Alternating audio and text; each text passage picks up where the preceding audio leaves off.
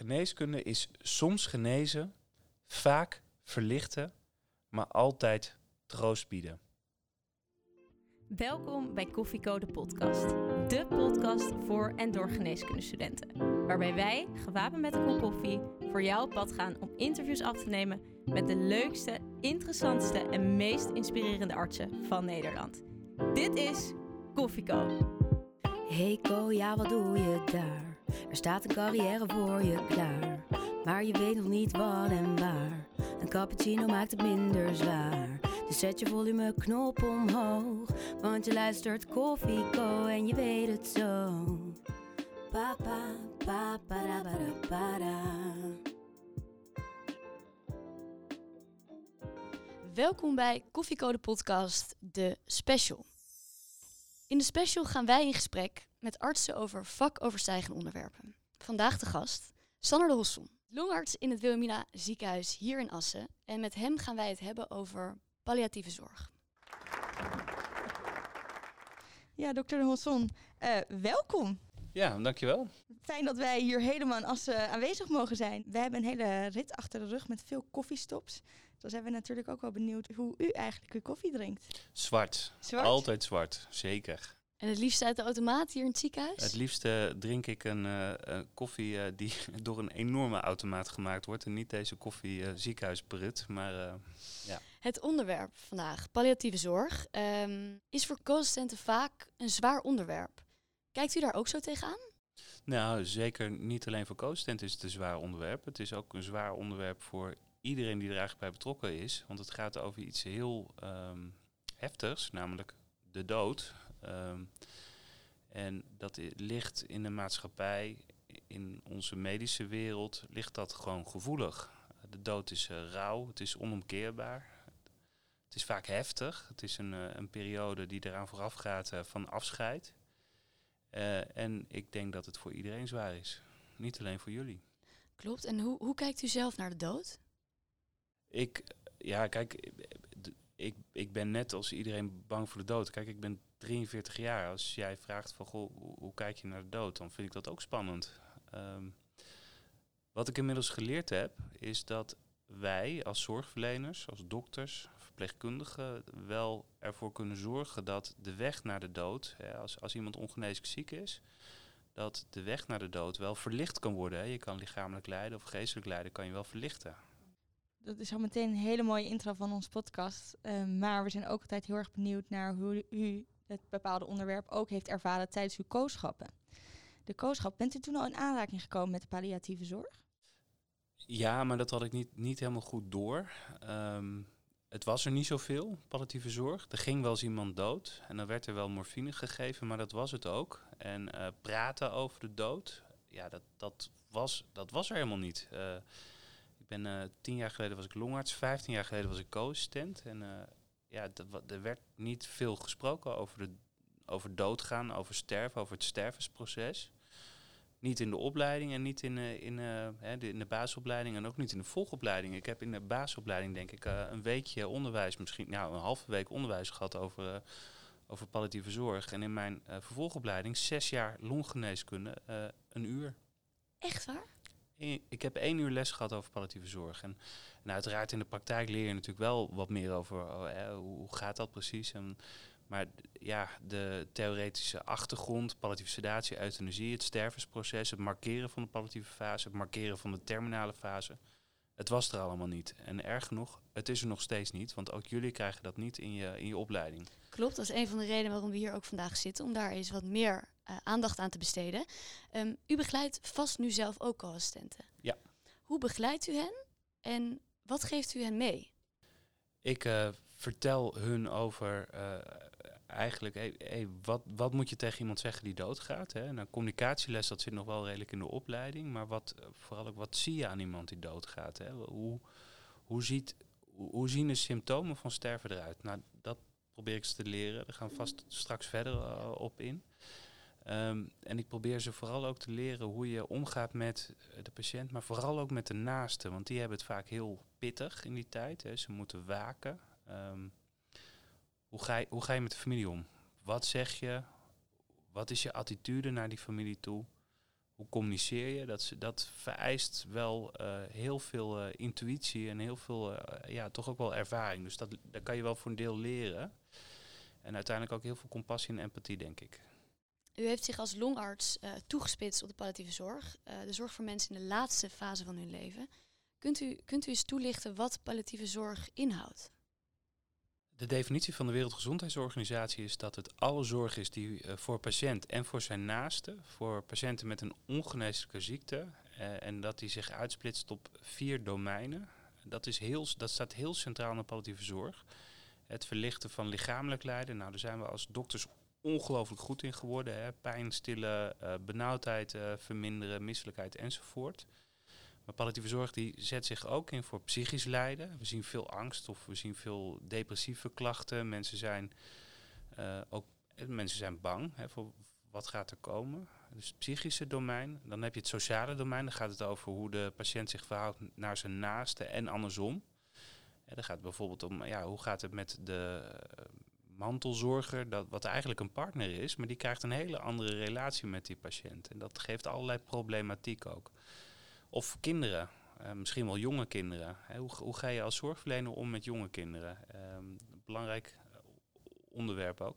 En als vierde gaat het over existentiële zorg, zingeving. En zingeving is iets wat, eh, vind ik, echt nooit besproken wordt. Nooit in de geneeskundeopleiding besproken wordt. Maar iets, eh, het meest essentiële onderdeel van het leven bijna. Eigenlijk de vraag, eh, u heeft eh, longkanker, stadium 4. Hè, u, u gaat er uiteindelijk dood aan. Ehm, en heel veel patiënten denken dan van ja, de grond zakt onder hun voeten weg. Wat, wat moet ik nou? Wat kan ik nog? Waarom zou ik nu verder gaan? En dat zijn zingevingsvragen, levensvragen eigenlijk. Ja, en u heeft ook eh, naar aanleiding van veel casuïstiek in het ziekenhuis, heeft u zelf eh, een boek geschreven met veel van verhalen van eh, patiënten. eh, met ook heel veel van dit soort vraagstukken, hè, waar Ja. al die thema's worden belicht. Ja. Ik zou u willen vragen om een kort stukje uit het boek voor te lezen. Zal, zal ik een stukje uitkiezen? Is goed? Ja. Het eh, gaat over een eh, patiënt waarbij ik eh, euthanasie toepas. Ja. Eh, heftig onderwerp. Ehm, en ik lees een stukje voor. De oudere meneer in kwestie ken ik al ruim een jaar. Ik begeleid hem op mijn poli omdat hij kampt met een allerverschrikkelijkst longfalen. De longrevalidatie heeft zijn ernstige benauwdheid niet kunnen verbeteren en daarom ben ik al lang overgegaan op morfinetabletjes om die benauwdheid te behandelen. Zijn gewicht is inmiddels een puinhoop. Hij is zeker 15 kilogram afgevallen. En de laatste tijd gaat zijn toestand snel achteruit. Met name gedurende de nachten is hij erg benauwd geworden. Hij is een schim van de man die hij ooit was, zo heeft zijn dochter hem omschreven. En ik kon er onmogelijk ongelijk geven. Wat heeft de benauwdheid hem angstig gemaakt? Hij heeft gesprekken gevoerd met een psycholoog en een geestelijk verzorger. En uiteindelijk kreeg hij tegen die angst ook pillen. Maar tijdens zijn huidige opname is het hoge woord er dan eindelijk uitgekomen. Wilt u mij een spuitje geven? Laat mij gaan, want zo kan ik niet langer. Ik bel de huisarts en deze bevestigt dat ook daar al over euthanasie gesproken is en dat de wens dus al langer bestaat. Een tweede arts komt patiënt beoordelen en geeft akkoord. Uiteraard noodzakelijke voorwaarden om euthanasie te mogen toepassen. En dan stellen we vast wanneer de procedure plaats zal vinden. Alle formaliteiten zijn daarmee afgerond. Maar een dag later, een dag voor de euthanasie, ontstaat twijfel bij mij. Want doe ik dit wel goed? Is dit wel de weg naar het beste leven zijnde en hoe sta ik hier zelf nu eigenlijk in? En daarom moet ik hem nog eens zien, de man. Hij ziet grauw en is benauwd, maar vooral is hij vastberaden en veel moediger dan ik. En hij kijkt me indringend aan als ik er nog eens over begin. Zijn lot is te vinden in zijn ogen. Daar lees ik het bewijs dat hij ondraaglijk lijdt, de bevestiging waarnaar ik op zoek ben. Als ik een dag later de longafdeling oploopt, blijkt deze compleet uitgestorven. Het lijkt wel alsof iedere patiënt en iedere verpleegkundige op deze doorgaans luidruchtige afdeling met dit moment en deze patiënt bezig is.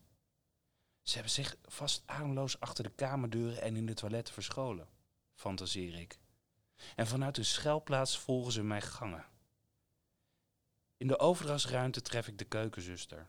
Kom straks een kop koffie drinken, stelt ze voor. En dan loop ik naar het kamertje achteraan de gang. De verpleegkundige, vrijwillig opgegeven voor deze dienst, gaat me voor. Eindelijk, zegt hij als we binnenkomen. En ik heb me eindeloos en eindeloos op dit moment voorbereid, maar wat zeg je in godsnaam? De oudere meneer maakt korte metten met die onzekerheid. Ga zitten. En hij pakt vol trots een prachtige fles Saint-Emilion Crancu 2007. Want ik ga in stijl. We drinken wat, een half glas wijn en wisselen wat woorden. Er is humor. Maar zijn dochter staat met tranen in de hoek.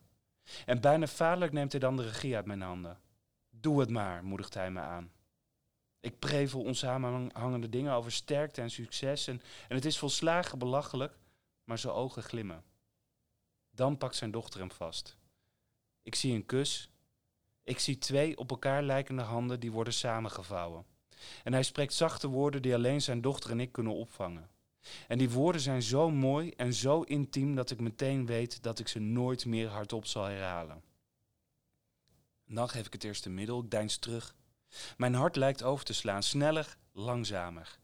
Ik krijg zweetanden, gedachten flitsen door mijn hoofd. En mijn blik schiet naar de klok. Ik zie de tijd. En ineens hoor ik de stilte. Ik kijk naar de bomen buiten. Ik zie de wind. En dan ineens de hand van de verpleegkundige die verschijnt met een spuit. Ik zie dat ze trilt.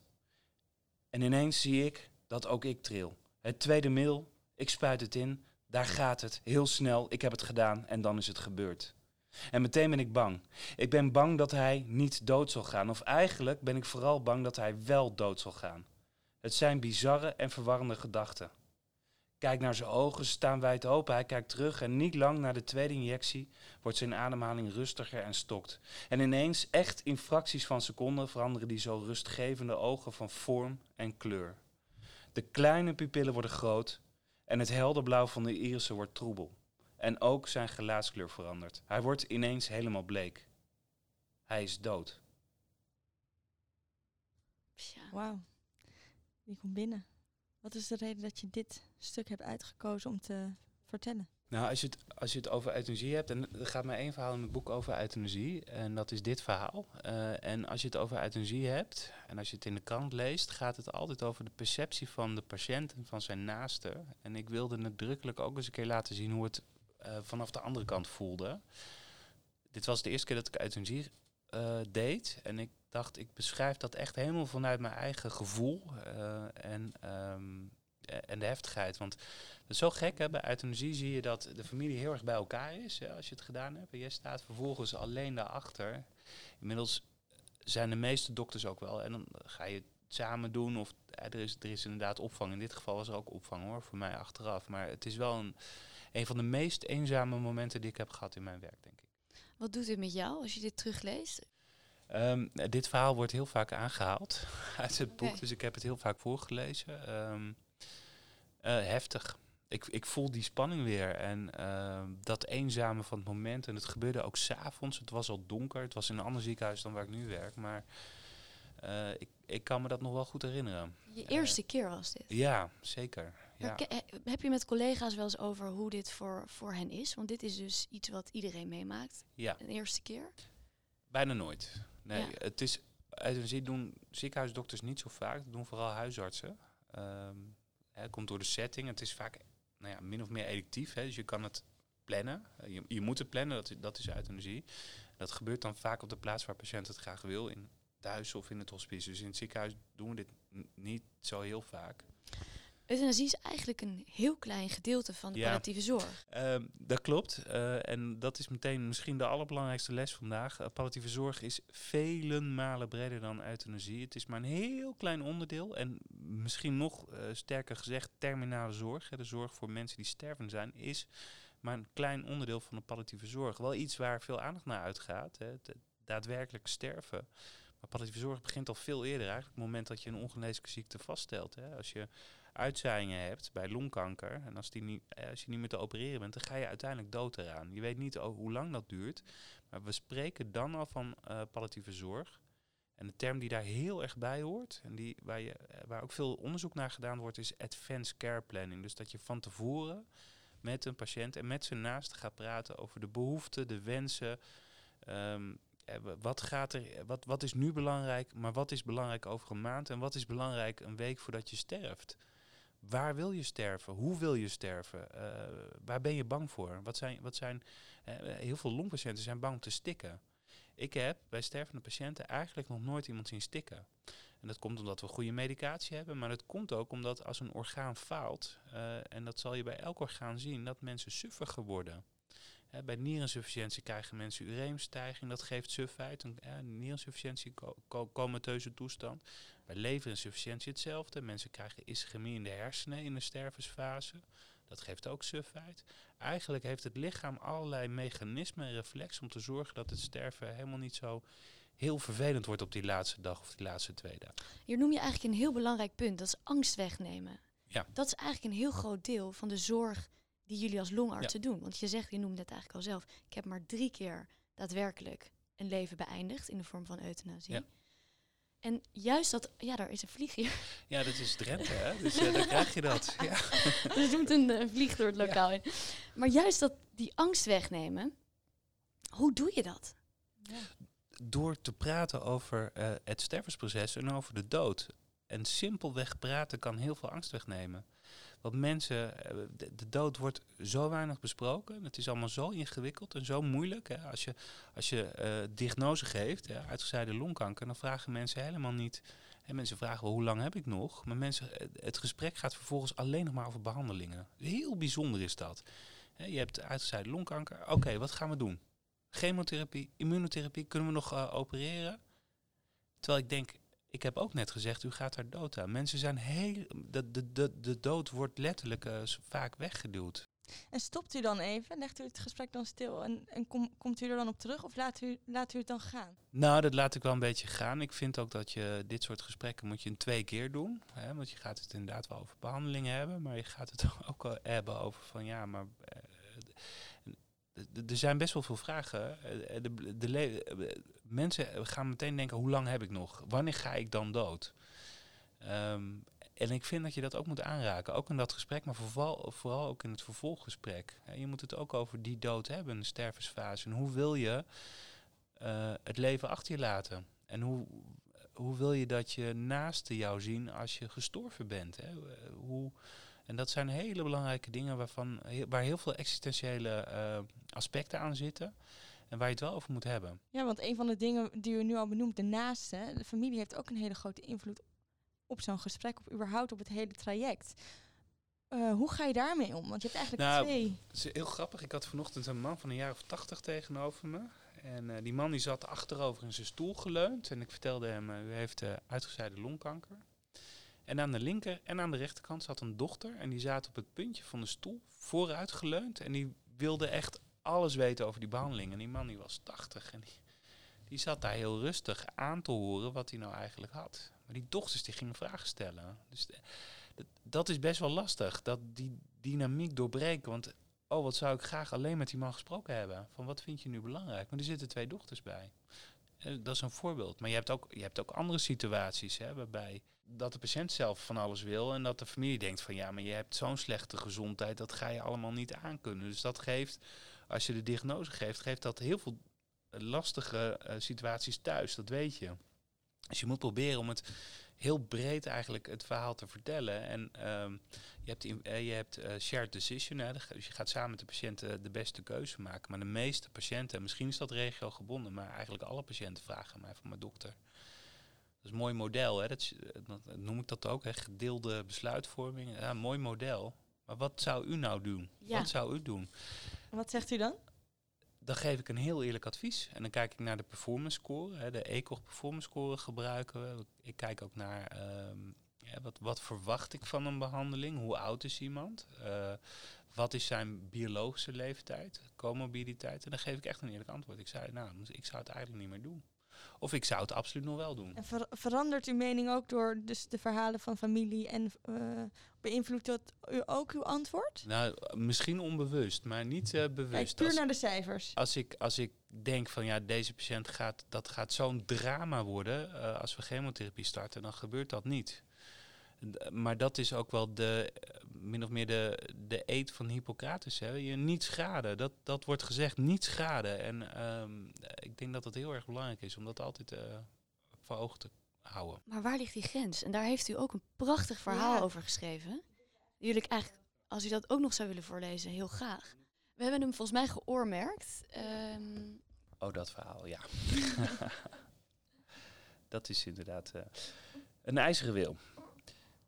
Maar ik word oma over vier maanden. De vrouw, ergens achter in de zestig, kijkt me indringend aan. Haar gelaat is ingevallen, haar kleren hangen veel te los om haar lichaam. Ze is zeker 20 kilogram afgevallen, vertelt ze nog. Dan kijk ik opnieuw naar haar lever, op het beeldscherm naast mij. Door de vele uitzijingen is er nauwelijks nog normaal leverweefsel te zien. Net heb ik haar verteld dat er sprake is van uitgebreid uitgezaaide longkanker. En ze vat het treffend samen. Rampzalig. De vermoeidheid zorgt ervoor dat ze aan bed gekluisterd is. Haar performance score, de mate van lichamelijk functioneren, is beroerd. Voor de kenner een ECOG van 3. En er kan daardoor absoluut geen chemotherapie gestart worden. Als ik haar dat vertel, is ze even stil. Dan heft ze haar vinger naar me op en ik zie dat haar ogen fonkelen. U gaat ervoor zorgen dat ik het haal.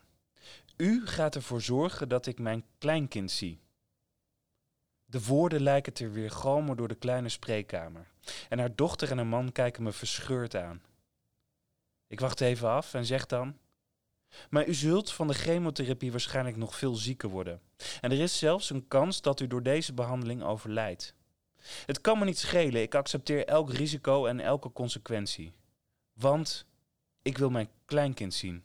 U kan dat niet weigeren. Er staan tranen in haar ogen. En haar dochter pakt haar vast.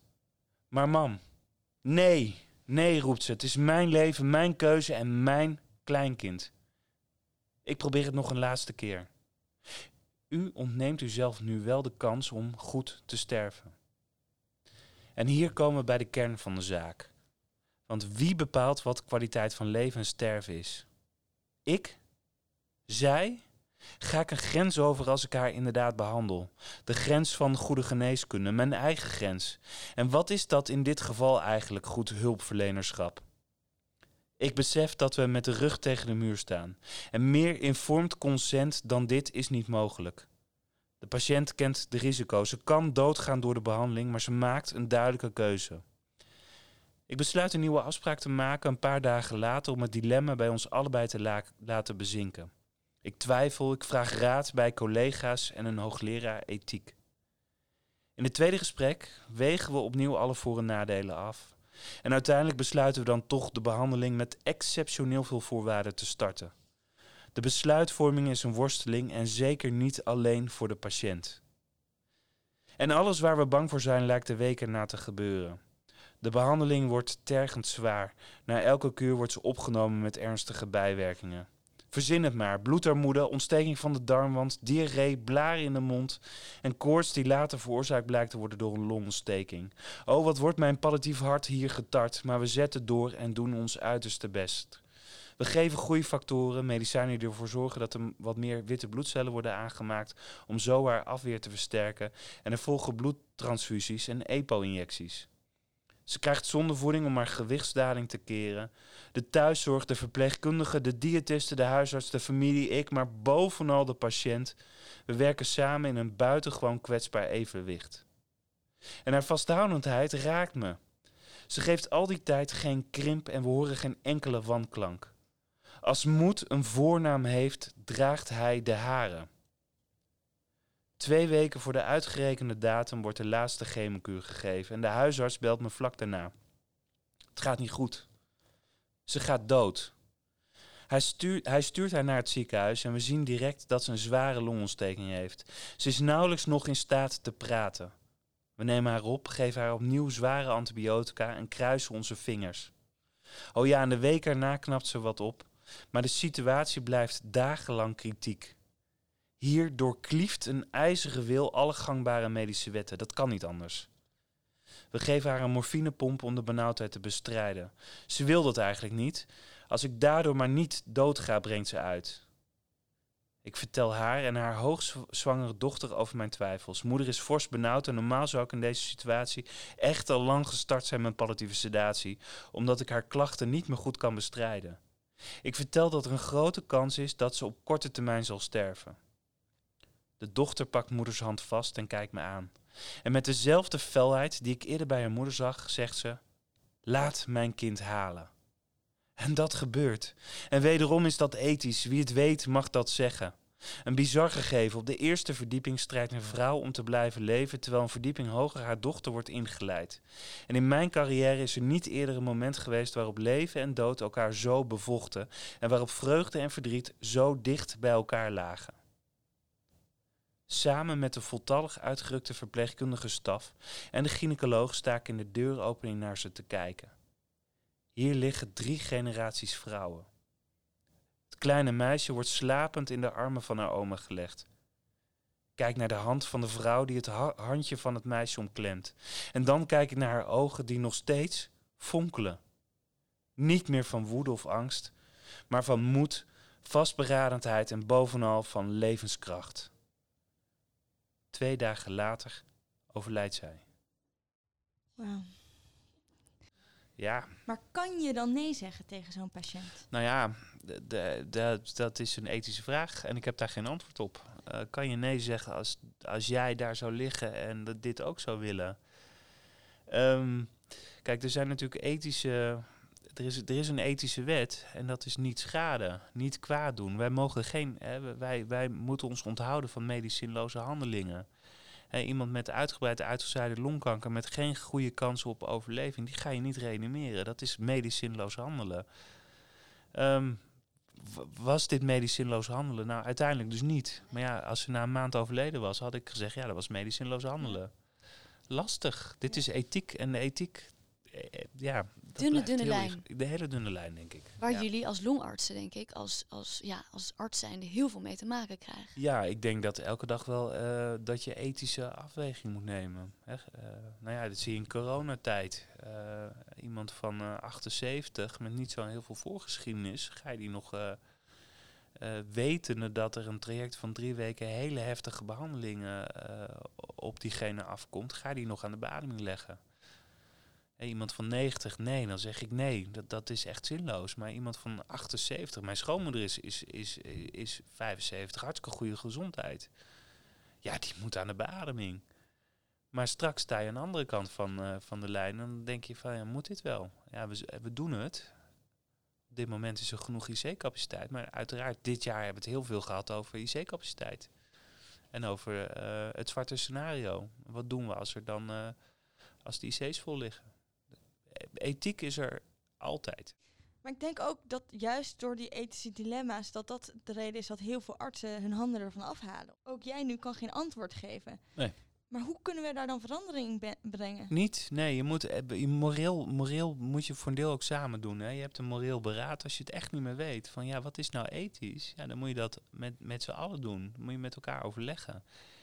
En bij uitstek is ethiek iets wat je multidisciplinair kan bespreken. Wat zijn nou, en of, of even de hoogleraar bellen in, in, in de universiteit even verderop. Van ja, wat zou jij nu doen? Want ik, ik loop hier vast in. En uh, ik moet zeggen, dat, dat, dat, ben ik, dat heb ik veel gedaan hoor, met, met ethische overleggen. Sander, ik had nog een aanvullende vraag op wat we, waar we het eerder over hadden. Namelijk in de spreekkamer, als daar een patiënt tegenover jou zit. Hoe vertel jij iemand dat hij doodgaat? Um, heel, eh, ja, dat moet. Uh, als, als iemand binnenkomt, laat ik ze zitten. Maar je krijgt bij mij ook binnen twee zinnen te horen dat je doodgaat. Ik vind dat zo'n relevant gegeven. En ik vind het zo eerlijk om dat meteen te vertellen. Ik vertel de diagnose. Ik vertel dat het ongeneeslijk is. En dat doe ik niet met een hele inleiding. En het liefst doe ik dat ook niet met een hele uh, nabeschouwing daarvan. Van hé, hey, wat moeten we dan nu gaan doen? Het gesprek is meestal vrij kort, het slecht nieuwsgesprek. Waarom? Omdat mensen alles vergeten. Alles wat ernaar komt, vergeet je. En wordt een brei van informatie waar echt niemand wat aan heeft. Dus het beste is een slecht nieuwsgesprek in twee keer te plannen. Eerst het slechte nieuws. En een paar dagen of een week later nog eens een keer een gesprek. En dan de diepte in over wat, wat is nu wijsheid? Wat gaan we doen? Ja. En als er dan zo'n uh, palliatief traject ingezet worden, uh, wordt, wat vinden patiënten dan meestal, wat geven ze aan bij u wat ze belangrijk achten in zo'n traject?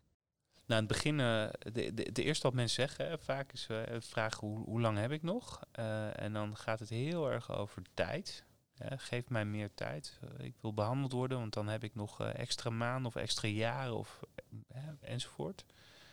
Tijd is in het begin heel erg belangrijk. En als mensen thuis zijn geweest, gepraat hebben erover, dan komen ze vaak terug. En dan gaat het ook nog wel een beetje over tijd. Maar ik hoor vooral dat het dan over kwaliteit gaat. En dat is echt iets anders. Kwaliteit gaat over wat kan ik dan als mens, hè, als ik deze ziekte heb, die zo heftige ziekte, eh, en ook nog die behandeling met de bijwerkingen krijg.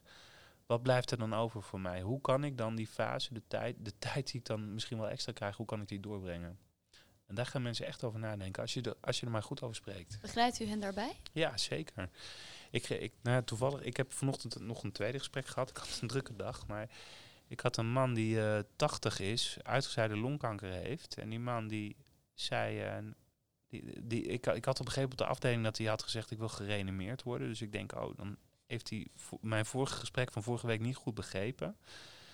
Dus ik denk, ik, ik ga met die man praten. Hij had een longontsteking inmiddels ontwikkeld, was erg ziek. En um, ik ging er een beetje in van, ik denk, ja, dit, ah, dit, dit, moet gewoon niet meer. Die man moet geen chemotherapie hebben. En toen ik hem zag, toen uh, ben ik daar echt de diepte. Ik ben echt aan hem gevraagd van, hey, wat, wat vind je nu belangrijk? Hij vond nog steeds behandeling belangrijk. Hij was beter dan ik verwacht had. We hebben ook afgesproken dat hij volgende week begint met chemotherapie.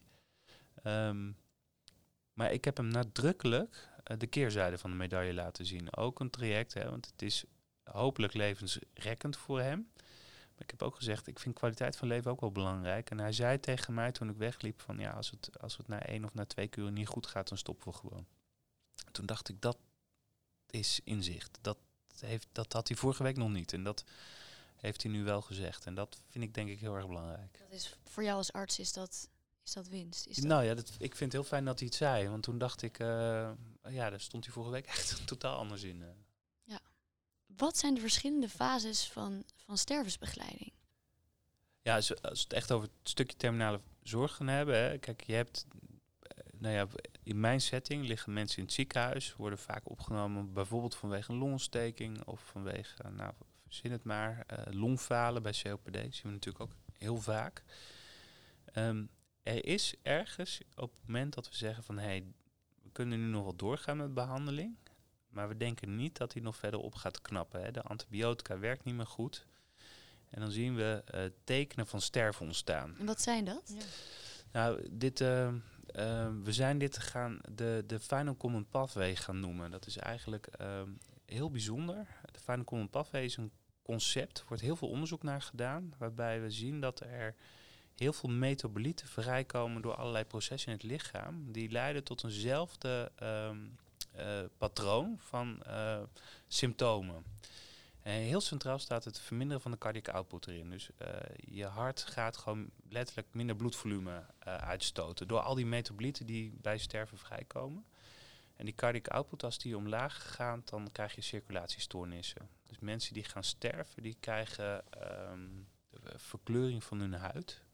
Ze worden bleker, maar je ziet met name rond de knieën, rond de enkels, zie je circulatievlekken ontstaan. Dat is vrij veel voorkomend symptoom. Cardiac output daalt, uh, maar daardoor krijg je dus ook, uh, als je bloed zou prikken, dat wil je helemaal niet meer in deze fase, maar dan zie je dat vaak nierinsufficiëntie, leverinsufficiëntie, uh, multi-orgaanfalen optreedt. sufheid zei ik al, het komt eigenlijk door, bij elke, elke vorm van orgaanfalen komt sufheid voor. Mensen zijn suffiger, komt ook door de medicatie die we natuurlijk geven tegen benauwdheid. Dan krijgen mensen een heel intrigerend patroon van ademhaling. Dat noemen we Shane-Stoke ademhaling, waarbij ze uh, stoppen, apneus krijgen die afgewisseld worden met een snellere ademhalingsvorm. Dat is voor families vaak wel heftig als ze dat zien. En mensen, uh, de reflexen nemen af. Dus mensen krijgen vaak slijm achter in de keel en dan gaan ze reutelen. Wat een vervelend geluid geeft. Uh, maar vooral voor, uh, voor ons als, uh, als naast. En de belangrijkste behandeling van, van reutelen is, je kan mensen op hun zij leggen. Maar de allerbelangrijkste behandeling van reutelen is koffie. Oh. Voor de familie omdat mensen, omdat het voor de patiënt vaak niet belastend is, maar voor de naaste wel heel erg. Dus je moet heel erg de familie begeleiden, de naaste begeleiden. Dat is de behandeling van reutelen. Je hoeft er zelf eigenlijk niet zoveel aan te doen. Vroeger werd het uitgezogen, nou, allemaal obsoleet. Maar hoe weet je dat de patiënt daar geen last van heeft? Want dat is uh, expert opinion. Hè. Die, je ziet in, uh, als je naar de wetenschap kijkt achter terminale zorg, palliatieve zorg, is er heel veel expert opinion. Er zijn wel studies gedaan uh, waarbij ze hersenactiviteit hebben gemeten. En je ziet eigenlijk helemaal niet dat mensen daar uh, last van hebben. Het is echt expert opinion, level D evidence om het zo maar te zeggen. Uh, en inmiddels heb ik ook wel genoeg overlijdens gezien dat ik het echt helemaal mee eens ja, ben. Ja. Nee, maar je moet, je moet vooral de familie begeleiden van hey, wat, wat gaat er gebeuren? Ik vertel reutelen en ook ademhaling en sufheid vertel ik ook van tevoren. Van dat, kan je, dat kan je zien, dat kan gaan optreden. En dat geeft vaak ook heel veel rust en hou vast voor zo'n familie. En, en dat, zijn nou de, dat zijn nou echt de beginselen die ik aan een co-assistent leer. De, de, dat is stervensbegeleiding. Met de naaste praten over wat er nu gebeurt, maar ook over wat er kan gebeuren. En ook over wat je dan gaat doen. Hè. Stel dat mijn geliefde toch benauwder wordt, wat gaan we dan doen? Dat er een plan klaar ligt. En daar gaat het heel vaak fout. Dat er geen plan is en dat er acuut van alles nog moet gebeuren, bijvoorbeeld. Dus stervensbegeleiding is heel erg vooruitkijken. Ja, en mensen hebben het vaak over, uh, ja, ik wil comfortabel sterven. Wat houdt dat precies in en hoe weet je dat een patiënt comfortabel dat zie je, dat zie je. Dat zie je. Dat zie je in één oog, oogopslag. Zie je of iemand comfortabel is. Maar ook als co-assistent, ik zou geen idee hebben. Uh, je, je hoeft vijf sterfbedden gezien en begeleid te hebben, dan kan je dat. Dit is ervaring. Ja. En wat zie jij dan? Een comfortabel sterfbed. Iemand die rustig ademhaalt. Iemand die uh, niet benauwd is. Iemand die er rustig bij ligt. En dat, is, uh, dat vereist ervaring. Um, maar, uh, en, en klinische intuïtie, dat zijn twee belangrijke dingen. Maar jij kan dat ook leren. Je kan leren hoe iemand comfortabel eruit ziet die sterft. Dat maar dan moet je het, Ja, zeker, maar dat ga je leren. Is het een moment dat iemand sterft? Of is het, zie, jij, zie, jij het, zie jij het gebeuren? Nou, ik ben er bijna nooit bij. Ik trek me terug als, als ik denk, oké, weet je, nu, uh, nu gaat het gebeuren, dan trek ik me terug, omdat ik het een van de meest intieme momenten in het leven vind. Um, een echt nadrukkelijke moment dat familie bij hun geliefde kan zijn en daar is geen plaats voor zorgverleners.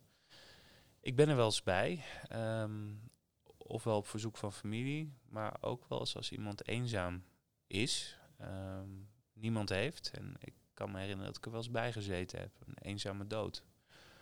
Dat grijpt wel aan. Uh, alleen het lastige is, daar kan je niet, je weet vaak niet wanneer het gebeurt. Dus, uh, maar ik kan me wel herinneren dat ik bij een eenzame dood geweest ben. Dat ik er wel bij ben toen ik in opleiding was. Kan je eens dus- vertellen hoe dat, wa waarom je besloot om daar te gaan zitten? Nou, ik, ik had niet zo'n hele drukke dienst. Ik was toen in opleiding en toen had ik nog wat meer tijd. En nu heb ik dat absoluut niet meer. En ik vond het, het, ik vond het zo zielig het, dat die man daar lag. En uh, toen ben ik er even bij gezeten en op een gegeven moment wel weer weggegaan. En toen belde de verpleegkundige van nou, nu gaat het gebeuren. En ik kan me herinneren dat ik uh, samen met haar uh, bij dat bed heb gezeten. En dat, uh, dat uh, hij stierf. En ik denk dat de laatste minuten van zijn leven heb meegemaakt. Ik vond het heel heftig. Ik heb hier nog nooit, ik heb hier nooit vaak meer over nagedacht. Ik heb wel een verhaal geschreven over een verpleegkundige die dit doet, maar die ging misschien wel veel te ver. Want die bleef er gewoon urenlang bij zitten. Dat, dat zou ik niet kunnen. Dat, uh, nee. Zijn er ook wel eens uh, dat u erbij heeft gezeten en dat er toch nog een soort van, ja, zoals je eigenlijk in de film ziet, laatste wensen worden uitgesproken of uh, levenslessen aan u worden meegegeven? Ja, zeker. Ja, nee, maar het gaat echt over, weet je, um, als mensen sterven, dan gaat het over niets anders dan over de relatie die de sterven had met uh, zijn geliefde. Dat is, of die nou voorbij zijn, die relaties. Het gaat echt over, over eerste relaties of over geliefden. Dat is het, belangrijkste gespreksonderwerp. En daar, ik hoor daar heel veel van. Ik, ik leer daar ook heel veel van. En denk, oh ja, shit, zo, zo, zo is dat gegaan. Dat vind ik wel, dat vind ik bijna de mooiste verhalen. Dus ik, ik, ik ga er ook wel eens bij zitten. En dan luister ik gewoon naar het verhaal wat daar verteld wordt. En dat raakt de essentie van alles. Dat is het, het, gaat helemaal niet meer over die mooie auto die ze ooit gehad hebben, of dat bedrijf dat ze opgezet hebben. Of, nee, het gaat alleen nog maar over de relatie tussen mensen. Dat leert mij een levensles, namelijk dat het leven gaat over hoe je, hoe je relatie is met anderen. Liefde en vriendschap. Nou ja, uiteindelijk wel. Dat, dat is wat overblijft hoor, als je vertrekt. Hoe was dat? En dan kom je thuis en dan? Dan uh, moet ik luiers verschonen en um, naar de Albert Heijn, omdat het leven doorgaat. Het belangrijkste les die ik geleerd heb is, uh, wat er in het ziekenhuis gebeurt, gebeurt in het ziekenhuis. En dat blijft daar. Dus een van de belangrijkste dingen als je met palliatieve zorg bezig bent, en ook dat leer je, ik garandeer je het, uh, je laat het achter je. Uh, niet die ene patiënt die heel jong is, waar twee kleine kinderen rond het bed stonden. Nee, die gaat mee. Die, daar heb ik het thuis over. En ook niet die euthanasie. En ook niet die reanimatie waarbij de patiënt vervolgens doodgaat. Die gaan mee. paar keer per jaar, twee keer per jaar, misschien echt niet meer. Maar de rest blijft in het ziekenhuis, want daar hoort het. Dat is niet onderdeel van mijn leven buiten, dit, uh, buiten de muren van dit ziekenhuis. Emotioneert het je wel eens? Bijna nooit, maar uh, als het gebeurt, dan gebeurt het. En uh, ik, mensen mogen zien dat ik geraakt word. Um, schaadt dat je professionaliteit niet? Nee, absoluut niet. Het schaadt, het schaadt als je het niet laat zien. Uh, hè, toen ik opgeleid ben, was het heel erg professionele afstand houden. En oh, je, dat mag, je mag dat niet laten zien, want je bent de dokter. Nou, dat is echt een, een ridicule... Uh, dat, is, dat is ridicul dat we dat ooit gezegd hebben. Het gaat om professionele nabijheid in het vak. Je mag geraakt worden. Je mag ook laten zien uh, dat, dat het iets met je doet. Uiteraard ben jij niet de patiënt en hoef je niet huilend over de gang te lopen. Dat, dat absoluut niet. Maar je mag je laten raken. Sterker nog, mensen vinden het vaak uh, fijn dat ze zien van hé, hey, er staat daar een mens. Um, nee, het, het woord is niet meer professionele afstand, het is professionele nabijheid. Er is nog één, um, één ding wat ik nog even wilde aanstippen. We hebben het al heel even aangestipt. En dat is eigenlijk het verschil tussen palliatief en terminaal terminale fase is maar een klein onderdeel van palliatieve ja. zorg. Je moet het zien als, uh, als twee cirkels, uh, waarbij terminale zorg een kleine cirkel is in een veel grotere cirkel, namelijk die van de palliatieve zorg. Terminale zorg is palliatieve zorg, trekt vaak de aandacht, hè, palliatieve sedatie, euthanasie, uh, sterven, daar hebben we het eigenlijk heel, heel veel over gehad. Maar die palliatieve zorg die begint al veel eerder, op het moment dat je ongeneeslijk ziek bent, met dat advanced care plan. Dus we praten over wat er aankomt. En in feite chemotherapie en immunotherapie zijn vormen van palliatieve zorg. Dat hoort bij de palliatie, bij het symptoom bestrijden. Hopelijk verlengen van het leven. Maar het is toch een symptoombestrijdende therapie die gegeven wordt. Maar er zijn nieuw vak als longarts. Heb je een hele groep oudere patiënten. Hè? Maar je hebt ook een groep jongere patiënten. De zogenoemde AJA's. Dat is een hele brede term. Dat geldt niet alleen voor, ja. voor jonge mensen met longkanker. Maar dat is een groep die wij belangrijk vinden om uit te lichten. Want waar lopen zij tegenaan? Die zitten ook voor u. Mm -hmm. En begeleidt u hen anders? En waarin begeleidt u hen? AJA's gaan vaak naar een universitair ziekenhuis. Dus die zie ik niet zo vaak. Als we hele jonge mensen hebben met longkanker bijvoorbeeld, dan verwijs ik door. Omdat het vaak ook over mutaties gaat. Hè, waarbij ook wel andere behandelingen gegeven worden. En, en los daarvan. Um, uh, palliatieve zorg in hun, in hun situatie gaat heel erg over symptoomvermindering. Uh, eigenlijk ook over kwaliteit van leven. En dat is vaak ook wel gericht op. Uh, je, ziet dat de overleving bij deze groep vaak wat langer is. Hè. Ze worden vaak ook wel wat langer behandeld, bijvoorbeeld.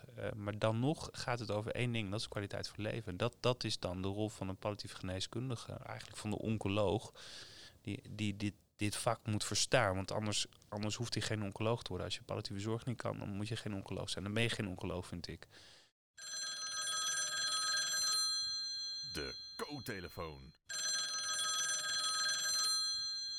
Ja, dan gaat de co-telefoon. En dat is een vraag ingestuurd van een van onze luisteraars. Van tevoren zetten we het uit dat we u gaan interviewen. En dan krijgen we een vraag binnen. Heeft u tips voor jonge artsen hoe je het beste op kan stellen tegenover een patiënt die een palliatief traject ondergaat?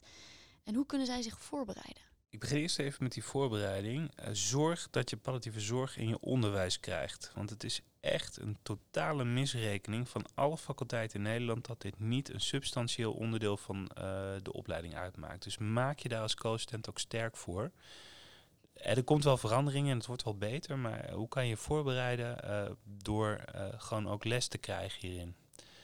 Door het hierover te hebben, door dit soort podcasts te luisteren, maar ook door gewoon het te eisen, want het hoort gewoon bij een dokter. Ik vind het echt bizar dat dit nog niet geregeld is, maar goed, los daarvan. Voorbereiden, nou je moet je natuurlijk goed inlezen.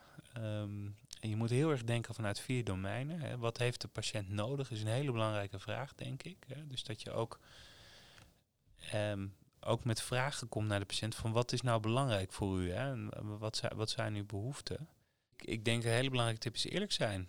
Uh, niet eromheen draaien. Uh, een patiënt gaat dood. Vertel dat ook. Want dat is wat patiënten vaak willen weten. Van hé, hey, ga ik dood? Ja, je gaat dood. Je gaat dood. En dat geeft vaak rust. Mijt dit onderwerp zeker niet. Want als je dit onderwerp mijt, hoe moeilijk het ook is, maar als je het onderwerp mijt, dan wordt het allemaal alleen maar moeilijker. Voor de patiënt, maar ook voor jou als zorgverlener. Deze vraag vonden wij eigenlijk ontzettend goed passen bij de sponsor van deze aflevering. Dat is Pfizer. Pfizer zet zich in voor het verbeteren van de palliatieve zorg. En als je meer over wilt weten als jonge dokter, dan kun je een kijkje nemen op de site op pfizerpro.nl. Of je kan bijvoorbeeld kijken naar het handige boekje dat Pfizer heeft gemaakt. Dat heet Je wordt niet meer beter. Daarin staan hele goede handvaten en antwoorden op allerlei vragen over de palliatieve zorg. En hoe daarmee om te gaan als jonge dokter. Überhaupt als dokter. En dit boekje is eh, vrij verkrijgbaar en zeker aan te raden. Oké, dan gaan we ehm, door naar een heel leuk item in ons podcast. Dat heet namelijk Wat als. Wij stellen je een vraag en dan ehm, mag je die helemaal vrij interpreteren. Ja. Ehm, wat als u nog een dag opnieuw zou mogen beleven? Dan zou ik heel graag de Keiweek in Groningen opnieuw lopen. Dat is de introductieweek eh, van de studenten. Ja, Echt waar? Zou je dat zeker kiezen? weten. Ja. Oké. Nou, Wa- waarom was dat zo? Ja, het was super. Ja, Nog het was steeds? gewoon ja, nog steeds. Ik, eh, ja, het is jammer dat dit jaar niet doorgegaan is. Ik woon in de stad Groningen, maar als ik denk, eh, als ik 's ochtends naar mijn werk rij om half acht en ik zie die studenten letterlijk stuiterend over straat gaan, denk ik, ja, dat was heel gaaf. Dus ik zou de Keiweek nog wel een keer willen doen. Ja. fantastisch. Oké. Een wat zwaardere. Wat als u zelf te horen zou krijgen dat u nog maar een jaar te leven heeft? Dan zou ik heel erg verdrietig zijn. Dan zou ik echt heel, heel, heel verdrietig zijn. En niet voor mezelf, maar wel eh, omdat ik afscheid zou gaan nemen van mijn twee kinderen. En dat zou ik heel verdrietig over zijn. En zou u dan uw baan opzeggen of zou u doorgaan? Ja, dan ga ik niet meer werken, denk ik. Wat gaat u dan doen? Dan ga ik. ehm, ik heb hier nog niet zo vaak over nagedacht.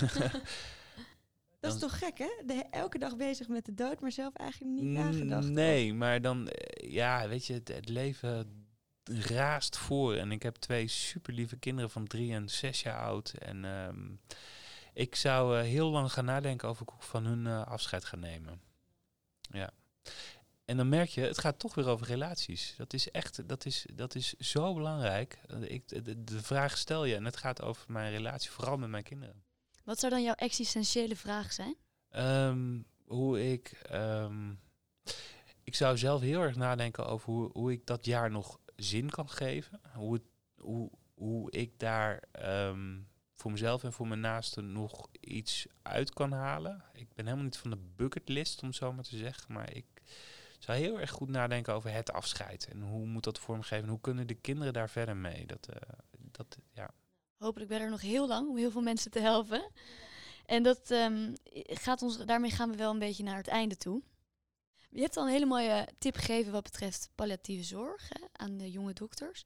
Ehm, is er nog een tip voor de jonge dokter die je hebt, die je wil meegeven? Nou, ik, ik heb het één keer genoemd, dat woord, en dat is eh, compassie. En compassie is dat je, ehm, dat je leert om je in te leven in de situatie van degene die je over, tegenover je zit. En dat is in het begin super moeilijk, omdat je namelijk heel erg bezig bent met techniek hè, van de communicatie en van de symptomen. Of, eh, eh, maar probeer je altijd te bedenken dat tegenover jou een mens zit. En dat moet, je, dat moet je echt leren. En dat je moet proberen om te kijken door zijn ogen. Van hé, hey, wat gebeurt er nu en hoe voelt dat? Hoe, hoe voelt het om daar te zitten? Want die mens gaat daarna weg, eh, is thuis en dan is er vaak heel veel verdriet en leegte. Of, of juist opluchting, hè, afhankelijk van wat er aan de hand is. Je moet altijd proberen om je te verplaatsen in diegene. En nogmaals, en eh, als je denkt van ah, dat kan ik heel goed, ik weet heel goed wat compassie is. In het begin is, het, is er gewoon geen ruimte voor om dat echt te kunnen, maar dat komt, dat komt, dat komt, dat leer je ook wel. Om in te zien wat nou echt compassie is en om daarin in te kijken. Als je eenmaal routine hebt. Dat is een leercurve. Dat is een leercurve. Ja, is misschien een beetje stom, een beetje vaag punt. Maar eh, ja, dat is wat ik wel zou mee willen geven. Sander, ontzettend bedankt. Je hebt ongelooflijk veel mooie verhalen te- verteld. En ook de palliatieve zorg eh, zeker een stukje verder geholpen hiermee. Dankjewel dat we bij jou het gast mogen zijn hier in Assen. En eh, we hopen nog heel veel van je te horen. Ja, Succes. dankjewel. Hey, beste luisteraars, leuk dat jullie alweer hebben geluisterd. Eh, vergeet deze week vooral niet je schoen te zetten. En eh, dan kan je een spetterende nieuwe aflevering verwachten. Mis hem niet. Tot de volgende keer. Pa, pa, pa, para, para, para.